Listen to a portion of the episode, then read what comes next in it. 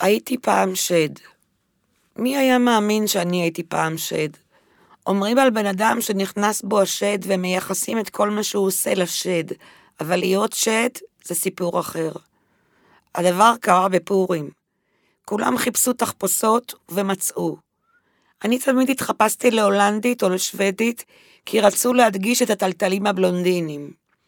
רצו נורא שזה ייראה שוב ושוב שנולדה להם בלונדינית ולא אכפת כלום. נסענו באוטובוס לאנשהו לקטוף תחפושת רגילה, אבל לא היה. חטפו הכל. כל הילדות הבלונדיניות חטפו, וגם הילדות השחורות חטפו, בשביל פורים. חזרנו הביתה בידיים ריקות. אחות שלי בכתה כל הדרך, אח שלי חרבן במכנסיים. אמא שלי אמרה שנלך לזקנה הזאת ברחוב פנקס, שתמיד תופרת לנו חורים במכנסיים בחמש לירות. ירדנו תחנה אחרי ועלינו לבית שלה. קראו לה בשם, אבל אני לא זוכרת אותו. היה לה בעל, גם לא היה שם, אבל מי זוכר? היא פתחה את הדלת אל עמה והכניסה אותנו. היה שנות ה-60. הכל היה בהתאם לתקופה, אני לא זוכרת כלום. היא אמרה שלום, אני לא זוכרת אפילו באיזה שפה היא דיברה. היא אמרה תיכנסו, תשבו, תשתו. אמא שלי כמובן סירבה והצביעה על שלושתנו, ואמרה משהו על פורים שאין תחפושות. הריח של מה שאח שלי עשה התפשט בחדר של התופרת. לבן שלה היה אוסף של מחזיקי מפתחות. זה היה אז במודה. הם גרו בקומה ראשונה, אני זוכרת, זה היה בתשמעון התרסי בכלל. היה לה קול צעקני, או שזאת בכלל תופרת אחרת. אולי היו שתיים? הבעל שלה הסתובב שם עם מבט כזה, הוא היה נמוך. אולי הוא בכלל היה הספר? ההוא מכיכר דיזינגוף? היה ווימפי למטה, מה זה חשוב? אמא שלי אהבה לראות אותנו אוכלים ווימפי, ובאים ישר הביתה למיטה. התופרת הסתכלה על הבעל שלה, שהיה מת בכלל. הוא מת מזמן. לא זוכרת בכלל אם היה לה בעל. היה לה בעל? היו לה ילדים? אמא שלי חזרה ואמרה שאין לנו תחפושות, וההיא אמרה, למה לחפש אותם? ואמא שלי הלכה להחליף לאח שלי את הסירחון. אחות שלי רצתה להיות מורה בבית הספר היסודי א' ד' גורדון.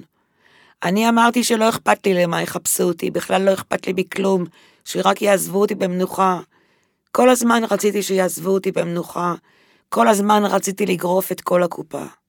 אמא שלי אמרה שהילדה האמצעית תהיה סינית, הקטן לא צריך כלום, והגדולה והגדולה והגדולה שלא אוכלת תהיה הולנדית או שוודית או מישהי מפורסמת. אמא שלי חשבה שאני אהיה מלכת יופי או משהו. מאיפה זה בא לה אני לא יודעת. גם היא רצתה לגרוף את כל הקופה עם הדמיון שלה. היא הייתה אישה עובדת. התופרת אמרה שצריך לשאול אותי מה אני רוצה. אני לא רוצה כלום, אני רק רוצה לגרוף את כל הקופה. יכולתי להגיד את זה? היו לי כלים להגיד את זה? התופרת אמרה, ואימא שלי שאלה אותי מה אני רוצה, אז עשיתי פרצוף מהאלה שלי. למעשה לא עשיתי פרצוף, זה היה הפרצוף שלי.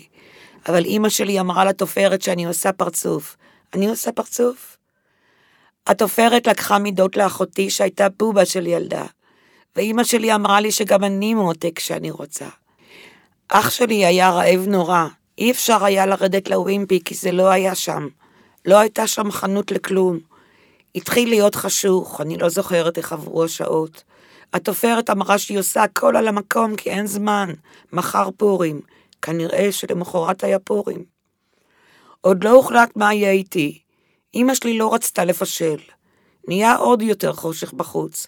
התופרת הסתכלה החוצה ואמרה, חושך, והשכנה מלמטה שלה, משהו קרה לה פעם, או לא קרה לה, או יקרה לה, אם לא, אני לא זוכרת. נו, תחליטי, אמרה לי אמא שלי, מחר יש לי יום עבודה. מה אני אחליט? עניין אותי בכלל, אבל עניין אותי מאוד. התופרת אמרה, יש לי פה תחפושת בשבילה, רק צריך לתפור פה ושם. הילדה רזה, בכלל חושבים שהיא ילד. היא הוציאה מהארון תחפושת של רובין הוד. אני לא יודעת של מי זה, זה של הילד שלה שמת, היה לה ילד בכלל? מדדתי, וזה היה גדול עליי פי שמונה או עשר, וזה היה חסר סיכוי. התופרת אפילו התייאשה. אמא שלי אמרה, מה זה? על חתיכת בד אדום שחור מבריק מסטן.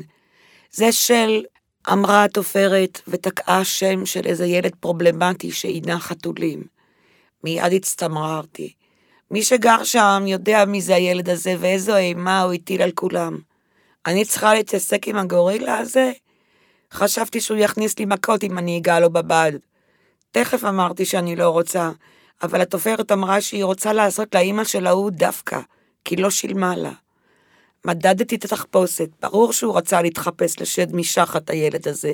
שדים מתחפשים לשדים אמיתיים, ומתוקות למתוקות עוד יותר, וכל זה דווקא בפורים. לבשתי את התחפושת והתאימה לי, זאת אומרת תיקונים פה ושם. כל הפורים הסתובבתי בגנים ציבוריים ובחצרות אחוריות של כל הבניינים האלה של הבאו-האוז, עם כל העלים הנושרים ומאות החתולים יורקים עליי ורוצים להרוג אותי, אבל לא מעזים. כל הזמן פחדתי שהילד המפחיד הזה יראה אותי עם התחפושת שלו ויכניס לי מכות, אבל הוא לא ראה, לא יודעת איפה הוא היה בכלל. ילדים אלימים, לפעמים לא רואים אותם כמה ימים, וכשהם חוזרים לשכונה אומרים, הנה הוא. הייתי פעם שד, מתוך הספר סיפורים בלתי רצוניים, באדיבות הוצאת זמורה ביטן, שנת 1993.